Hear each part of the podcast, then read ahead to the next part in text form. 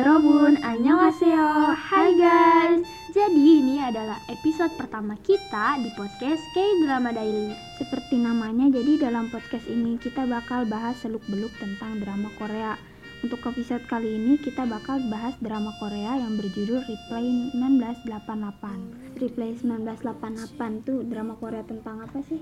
Jadi Replay 1988 itu drama ini tuh menceritakan tentang sebuah kehidupan di gang Samundong. Ya, di gang Samundong Itu lokasinya di Seoul ya? Seoul, Korea Selatan. Nah iya tahu bener banget. Dan jadi tuh cerita ini tuh menceritakan tentang kehidupan eh, seperti yang tadi gue bilang ya kehidupan di sebuah gang Samundong yang ada di Korea Selatan. Jadi kehidupan ini tuh kehidupan apa aja sih dari kehidupan bertetangga ya kan, Hmm, persahabatan bahkan sampai ke percintaan juga. Jadi dalam di gang itu ada empat keluarga ya? Ada empat keluarga dan setiap keluarga ini punya masalah masing-masing. Ya namanya dalam rumah tangga ya pasti ada masalah lah. Kalau dari keluarga Dokson tuh masalahnya itu apa sih? Eh, di dalam keluarga Doksun itu jadi ayahnya tuh eh, masalahnya ada di tempat kerja. Dan juga karena beberapa masalah di tempat kerjanya itu jadi mengakibatkan kalau keluarganya itu harus hidup dengan segala keterbatasan tak dan juga nih masalahnya tuh ditambah sama si Doksun yang kalau sekolah itu nilainya nggak pernah tinggi dan bisa dibilang eh, selalu di peringkat bawah dari Hmm. eh, dari dari satu angkatan. Padahal kakaknya ini pinter ya? Iya pinter banget. Ya di Bora. Iya benar, Sumbora. Nah, Sumbora ini sampai masuk ke universitas ini kan? Seoul. Iya betul, jurusan pendidikan ya kalau nggak salah ya. Iya tapi kok kenapa adiknya gitu ya aturan sebagai kakak yang baik itu harus bisa ya bantulah adiknya tapi atau emang Dexonnya aja yang begitu ya Ya sebenarnya sih udah sempet dibantu kan waktu itu cuma gara-gara tuh doksunya lemot. kakaknya emosi Iya bener, jadi nggak masuk ke otak gitu. Nah, terus ada lagi nih di eh, masalah sama keluarganya Suno. Jadi Suno itu kan dia kan anak apa namanya berperan sebagai anak sulung terus juga laki-laki yang harus ngejaga adik perempuannya dan juga dia tuh harus ngerawat ibunya ya kan? Karena dia kan ayahnya udah meninggal. Nah terus eh, istilah kata tuh dia harus berperan sebagai tulang punggung. Nah iya betul. Terus kalau keluarga ada berapa tadi? Empat ya? Kita Iya. baru bahas dua. Yang ketiga itu ada keluarga siapa tadi? Cotek. Coitek jadi keluarga Coitek ini dia atlet permainan iya baduk. baduk, ah, ah. Baduk semacam ini ya semacam catur gitu Hmm, tapi itu versi kawasan Asia Timur kayak buat Jepang, Cina, Ah Korea. iya, yang dia tuh mainnya pakai biji gitu kan? Iya. Ah iya iya. iya.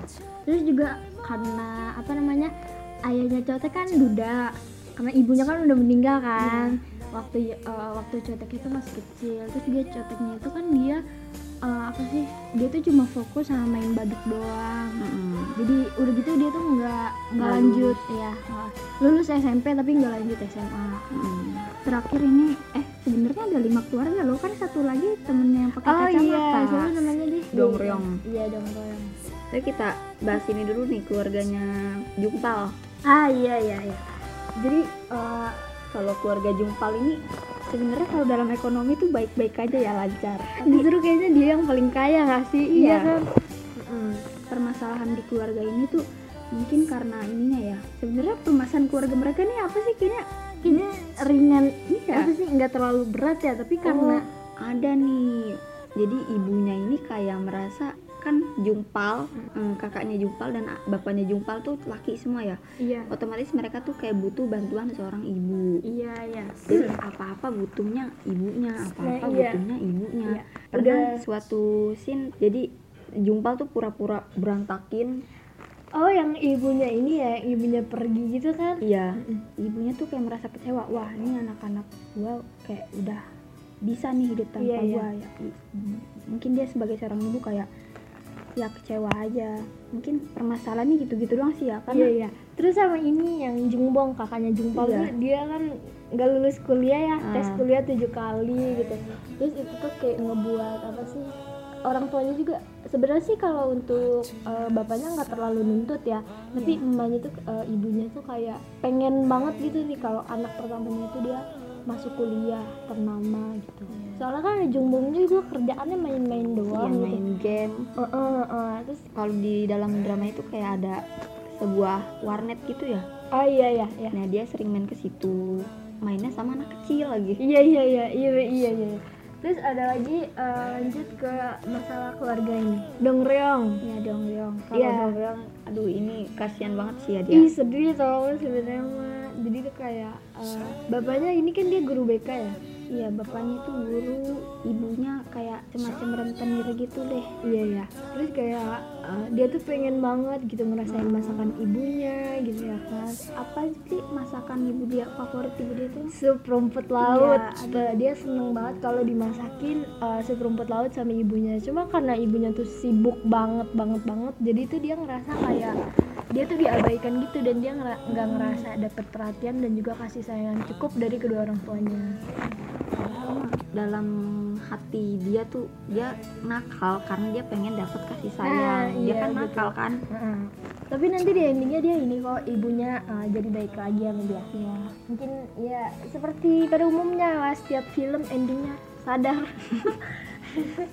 jadi mungkin dia dapet hidayah gitu ya ibunya. iya Hmm, terus menurut lu ini first impression terhadap drama ini tuh gimana sih? Apa dari segi pengambilan dasarnya dari segi pelajaran yang bisa diambilnya? Menurut lu gimana?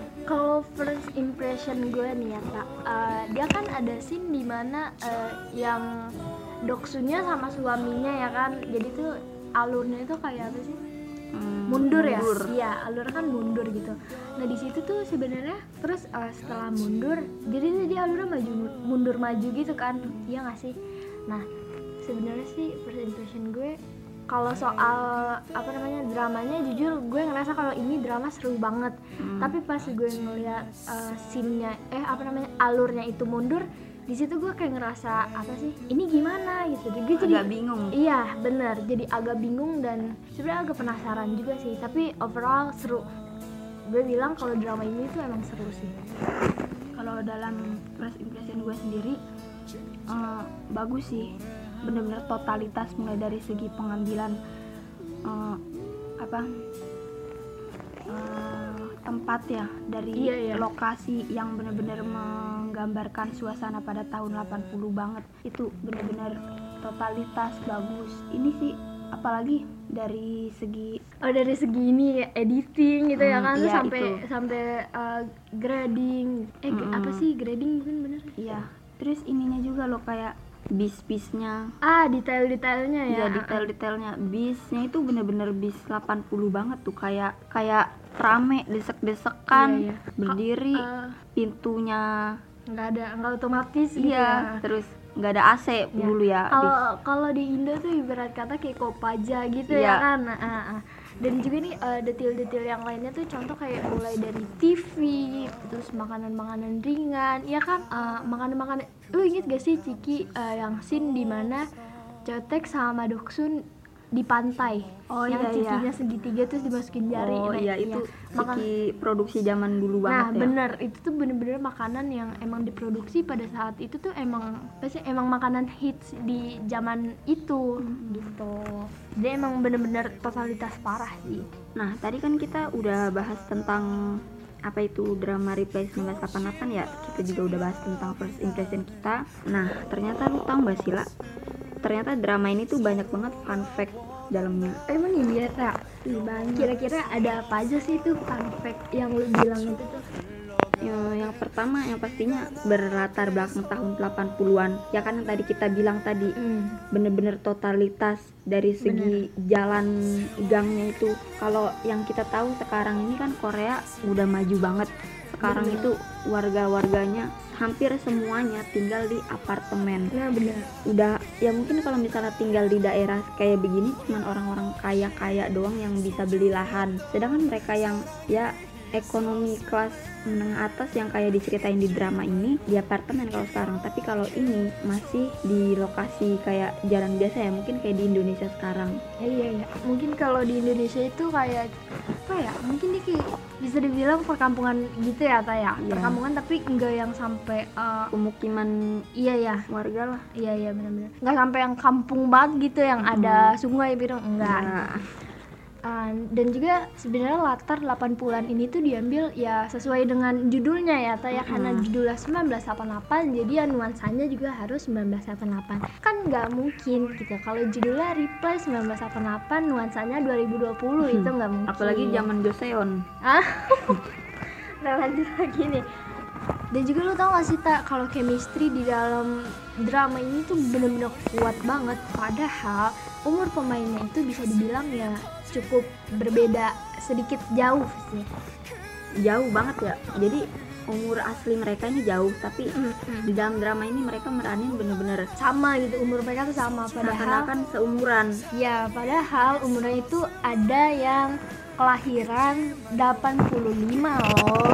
Jadi eh, pemeran Ryu Dongryong atau Lee Donghi itu dia tuh lahir tahun 85 dan juga kalau yang jadi Sung Doksun dia tuh lahir tahun 94 nah kalau Chotek nih atau Park Bo Gum dia lahirnya tahun 93 jadi cuma beda setahun doang kalau sama Hiri Eh, pantesan ya kayak chemistry-nya bagus banget mereka berdua itu Ya karena mungkin umurnya juga ini ya Mm. eh, apa namanya nggak terlalu jauh jadi nggak oh nggak terlalu canggung Oh, gitu iya. ya.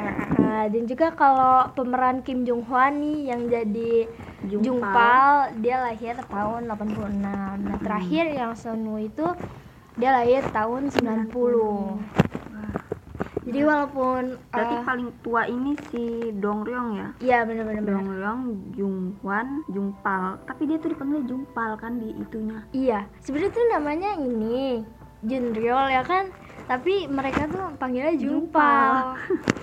Mungkin ya kayak apa sih panggilan sayang gitu atau bercandaannya kayak gitu. karena kali udah ya. teman dekat Nah, betul. Dan juga niata acting mereka tuh bener-bener profesional banget dan saking profesionalnya tuh jadi eh, feel feelnya tuh kayak dapet banget gitu gak sih? Jadi Iya, kitanya juga kayak- ke bawah gitu ke bawah Iya. suasana. Nah kalau bahasa kerennya tuh eh, baper lah ya. Kita Iya, jadi baper. ikutan baper juga nih. Gara-gara aduh actingnya acting mereka keren parah gitu lah terus kan di dalam chemistry ini kan ada tiga ini ya. Lo tuh tim Jungpal tim Choitek atau tim Sunwo kan di sini Sunwo juga agak Sempet ini ya? sih. Iya iya iya. Kalau gue pribadi nih ya pak gue jujur tim cotek sih pemain badut iya. Kenapa?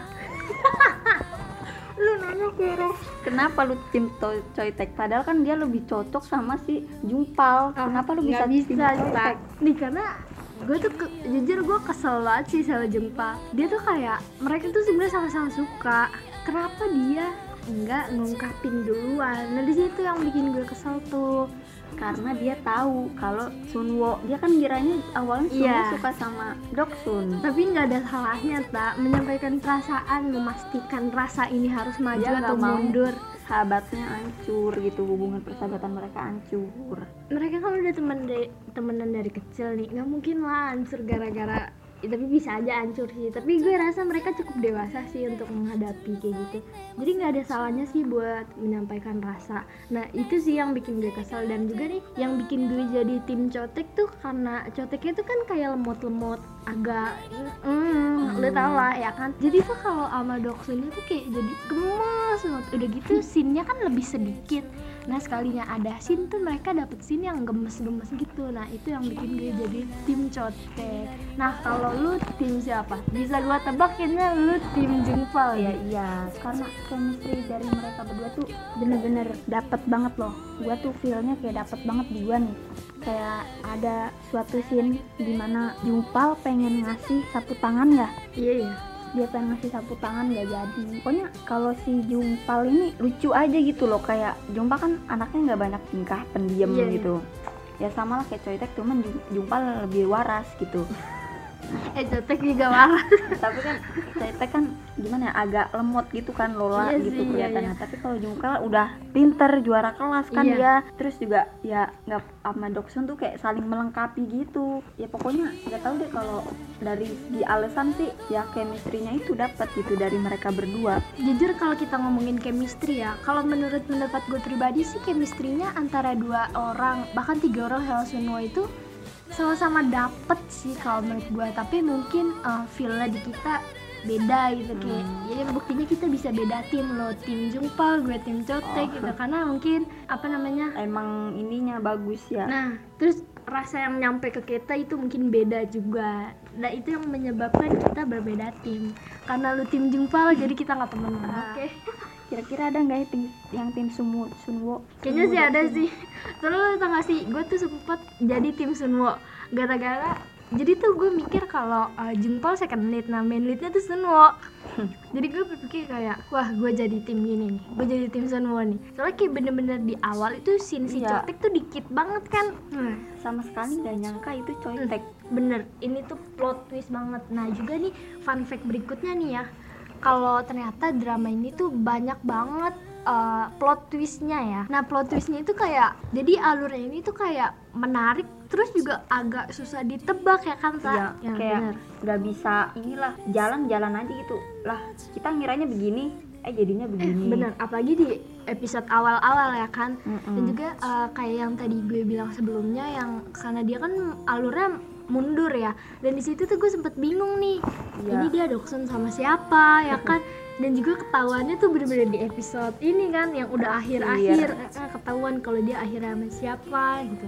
Nah itu bener-bener wah keren banget gila parah sih.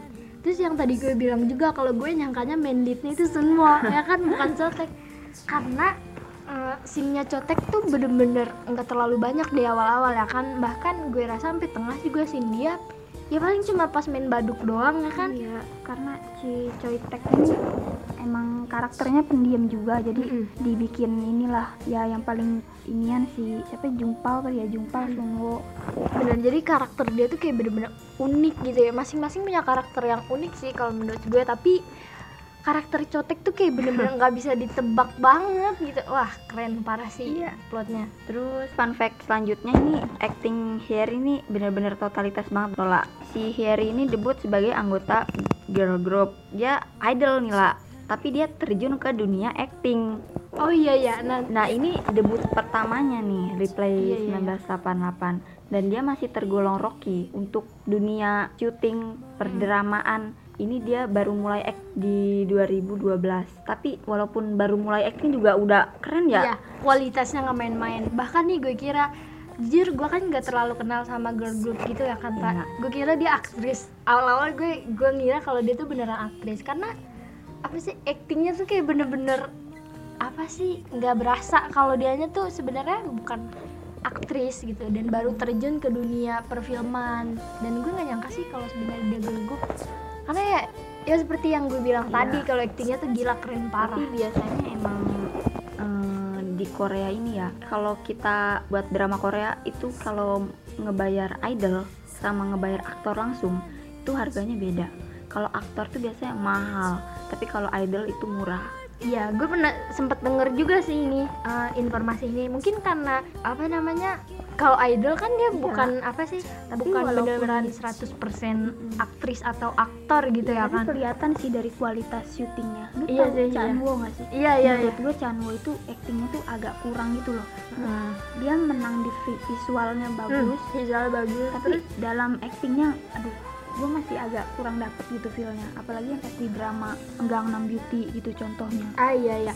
Mungkin karena eh, ini kali ya eh, apa namanya? Kalau dia itu eh, visualnya emang bagus terus juga apa namanya? Kalau dilihat dia tuh kayak tipe cowok yang dingin gitu ya kan, Hmm. tipe cowok kaku gitu. Jadi Cool. Iya benar.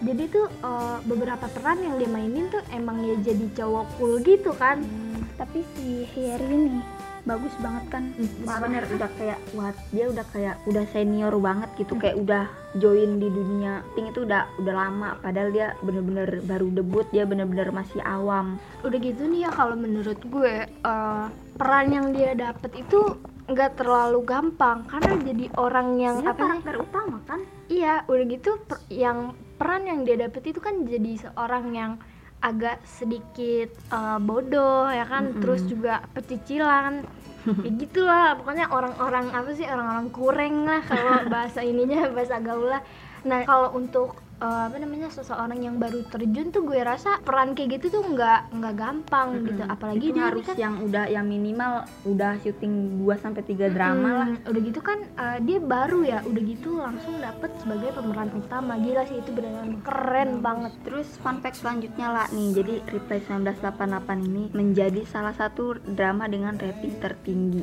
Oh iya? Pada saat itu ini 2015 jadi ah iya iya iya Jadi pada saat 2000 2015 ini drama rating tertinggi sepanjang drama Korea. Jadi Reply 1988 ini mereka tuh berhasil nyetak rekor rating terbesar di tahun itu. Eh, rating mereka itu berhasil mencapai 12,4 persen. Yang itu tuh udah termasuk besar untuk Iya. ukuran TV kabel. emang gue rasa eh, drama ini emang pantas sih dapetin rating tinggi ya Iya. karena ya dilihat dari jalan ceritanya walaupun sederhana ya kan walaupun sederhana tapi mungkin karena apa namanya acting dari para pemainnya juga bagus kali ya Iya. jadi itu kayak bener-bener dapet banget feel dan jadi seru banget ini drama juga Replay 1988 ini juga lu masih sering rewatch gak sih? Kalau gue sih kalau lagi gabut ya kadang gue suka rewatch, gue suka lihat detail-detail dari film itu lagi, gue suka perhatiin. Kadang kalau misalnya film atau drama Korea nih yang udah gue tonton terus gue rewatch, gue tonton lagi. Nah itu udah termasuk yang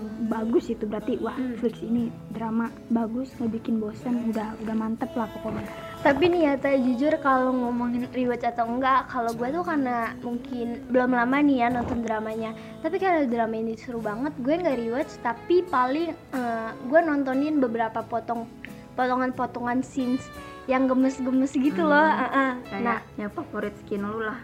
ya nah ngomongin beberapa potongan scene gue mau nanya nih ke lu scene favorit lu itu bagian yang mana sih tak kalau ditanya skin favorit di drama ini sih bener-bener banyak banget. Kayak wah banyak banget pokoknya. Tapi yang bener-bener bikin hati gua lulu bikin hati gua gila ini skin bahkan gua hampir nangis gitu. Kayak ada gitu. Itu di skin di mana Sunwo yang baru pulang sekolah. Jadi posisi dia itu belum ngabisin bekal dari ibunya. Iya iya gue inget inget ya dia belum ngabisin bekal dari ibunya. Dia nggak mau masuk dulu. Dia ngabisin dulu di luar di tangga gitu. Kayak di tangga buat ngambil jemuran gitu. Dia ngab- ngabisin makanan dulu di situ. Kalau udah habis baru dia masukkan. Itu kayak ya ampun dia cowok loh. Kayak Iya. dia menghargai ibunya banget. Kayak Dan- gue langsung oh my god I fall in love with you as on a movie gitu kayak ya ampun. Ih, udah gila. udah gitu ya eh ya seperti yang kita tahu dari drama itu kalau makanan ibunya tuh kayak sering asin gitu ya kan? Kayak biasa aja loh nggak ada spesial spesialnya tapi dia kayak oh my god anak baik banget sumpah. Iya udah gitu kan sering beberapa kali. Dia tuh kan kalau eh, di sekolah gitu sama Jungpal sama Doryong ya kan sering kayak barter makanan makan bareng. Dan nggak sekali dua kali sih kalau teman-teman mereka itu ke- nge- ngekritik makanan, ibunya. entah itu asin atau rasanya aneh atau bahkan lu inget gak sih ketika Sunu bawa eh, sosis telur? Oh ya ampun. Iya terus ada telur- kulitnya gak sih? Ada ada cangkang. iya ada cangkangnya. Dan itu tuh nggak nggak sedikit cangkangnya itu banyak gitu. Sampai mereka kalau makan tuh pasti ngepehin cangkangnya kayak gitu. Dan itu bener-bener tapi Wah, gila. dia nggak ada ngeluh-ngeluhnya ya kayak Hmm, bener ya ampun nih manusia atau apa? Nah bener nah terus juga kalau lagi barter makanan kayak gitu makanan yang sering diincer makanan si Jungpal. Karena makanan dia tuh pasti kayak apa sih kayak mewah. Ah bener mungkin kan ada ya orang kaya juga sih. ya bukan makanan kayak orang sekolah pada umumnya deh. Jadi makanannya tuh mewah gitu gak sih? Ya kan Iya. dia sering bawa daging gitu. Pokoknya makanannya tuh kayak wah makan makan mewah deh intinya. Betul. Kalau si Doryong sendiri kalau bawa makanan ramen ya dia biasanya ya iya iya. Karena mungkin dia bikin sendiri sih kalau kata gua mah itu. Ya kan nggak ada yang ngurusin. Dia kan emaknya sibuk terus bapaknya juga sibuk. Jadi ya gitu deh. Kalau lu sendiri mana skin favorit tuh jujur ya kalau karena gue tim cotek jadi jadi scene favorit gue itu aduh tak aduh gue bucin banget sama cotek parah karena gue tim cotek jadi scene favorit gue itu ketika first kissnya Cotek sama Doksun. Yang ini, Di mana nih? Di, yang di rumahnya ya? Yang iya nggak di kamar Cotek, iya. Hmm. Iya, nah di situ kayak Cotek kan lagi capek banget ya kan, terus tiba-tiba ada Doksun, terus akhirnya Coteknya tidur, terus Doksunnya tuh kayak di depannya gitu ternyata dan udah deh, ya kalian tau lah dia ngapain. Kan tadi gue udah bilang itu si Nafaan. Nah bukannya apa tapi itu kayak gemes banget gitu karena dari Iya. iya setelah sekian lama nih gue menanti. Plot twist juga kan ya? iya iya benar Kayak kita ngiranya juga itu mimpi kan yang pas Iya. Bilang itu Uh-uh. padahal beneran. benar nah terus paginya tuh kayak uh, kalau nanya bentar kalau misalnya itu masih jadi em, mimpi itu bakal jadi tetap skin favorit tuh atau gimana? tetap jadi scene favorit Oh. sih karena kan Coteknya tuh ka- kayak nggak bisa ngungkapin gitu kan kalau dia tuh sebenarnya suka sama Doksun tapi teman-teman yang lain tuh udah tahu kalau Cotek tuh suka sama Doksun ya kan? Tapi Doksunnya sendiri tuh nggak tahu. Nah karena itu nah karena itu tuh jadi gue ngerasa kalau ah gila ini yang gue tunggu-tunggu. Dan itu ah sampai sekarang tetap jadi scene favorit gue sih. Aduh gak berasa nih Ala. Kita dari tadi udah hampir setengah jam loh Bahas tentang drama Replay 1988 ini. Ternyata banyak banget ya hal-hal menarik dari drama ini. Kayak mulai dari plot twist yang gak ketebak Chemistry yang bagus. Masih banyak lagi deh. Nah bener bahkan sampai ke detail-detailnya gila. Itu pokoknya ini drama keren banget sih ya kayak nah sekarang kalau menurut lu nih ya drama ini tuh kalau lu kasih nilai atau rating gitu 1 sampai 10 itu lu kasih nilai berapa? Rating 1 sampai 10 hmm, 100 Eh parah. Bagus sih Bener-bener aduh ceritanya kayak sampai sekarang masih membekas banget sampai kayak lu tau gak sih kalau apalagi soundnya itu yang yang ne ne ne ne ne, ah legend. Iya, itu legend asli banget. itu legend parah. Dan menurut lu uh, worth it nggak sih buat ditonton atau di bahkan di rewatch lagi? Worth it banget. Kayak wah lu harus perhatiin nih detail-detail lagi nih. Kayak wah si Jumpal nih ternyata da- lebih perhatian gitu dari muka-mukanya Jumpal. Itu kayak lebih perhatian banget detailnya gitu loh. Pokoknya ya bagus deh ini kalau misalnya gua udah rekomendasiin ke temen ke keluarga atau ke siapa wah lu harus nonton ini. Wah ini berarti udah keren dah inilah. Oke oke. Kalau tapi dari nih lu sendiri. Gimana? kalau menurut gue nih ya tak kalau gue kasih nilai sih jujur drama ini seru tapi kalau gue suruh nilai gue kasih 8 per 10 karena banyak ke mana karena jujur nih ya Tak, di episode sekitar Hmm. episode 10 sampai episode 14 atau 15 itu gue ngerasa bosan karena mungkin karena cerita yang diangkat itu s- ya nggak jauh beda lah sama kehidupan kita sehari-hari ya kan walaupun setiap episodenya tuh ada Sama aja masalahnya episode sebelumnya lagi ya cuma Mm-mm. kayak lebih ini lagi jadi Nah. bikin bosan Nah iya, nah mulai serunya lagi tuh eh, di episode kisaran 15 sampai 20. Nah di situ gue baru ngerasa kalau wah gila ini seru parah, nggak ada lawan sih gitu. Sebenarnya sih jujur overall keren sih dari cerita yang diangkat, tema, alur, plot semua keren parah. Tapi ya itu yang bikin gue kasih nilai 8 per 10 itu ya karena gue sempat ngerasa bosen Hmm. kalau ditanya worth it atau enggak gue jawab tetap gue jawab kalau ini worth it banget buat ditonton apalagi kalau lu rewatch drama ini karena emang sekeren itu sih Hmm. kalau target buat nonton sendiri anak sekolah juga bisa SMP Hmm, bisa kok mm-mm. karena walaupun ada scenes em gitu tapi nggak banyak kok nggak banyak ya itu kan? udah udah normal lah iya kalau drama Korea emang normal sih Hmm. Nah guys, jadi sampai sini aja nih podcast episode pertama kita. Nah untuk episode selanjutnya, kira-kira kita bakal bahas drama apa lagi ya?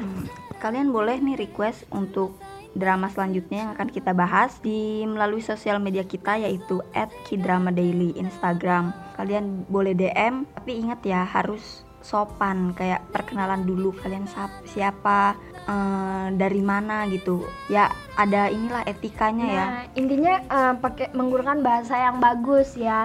Dan juga buat kalian yang mau eh, sumbang beberapa informasi ke kita, boleh banget kita bakal terima. Tapi dengan satu syarat seperti yang tadi kita bilang harus menggunakan bahasa yang sopan.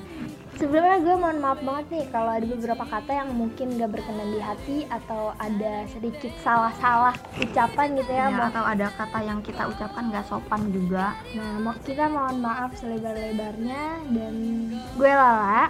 Dan buat Tata Kalau gitu sekarang waktunya kita pamit undur suara. See you next time and annyeong. Dadah.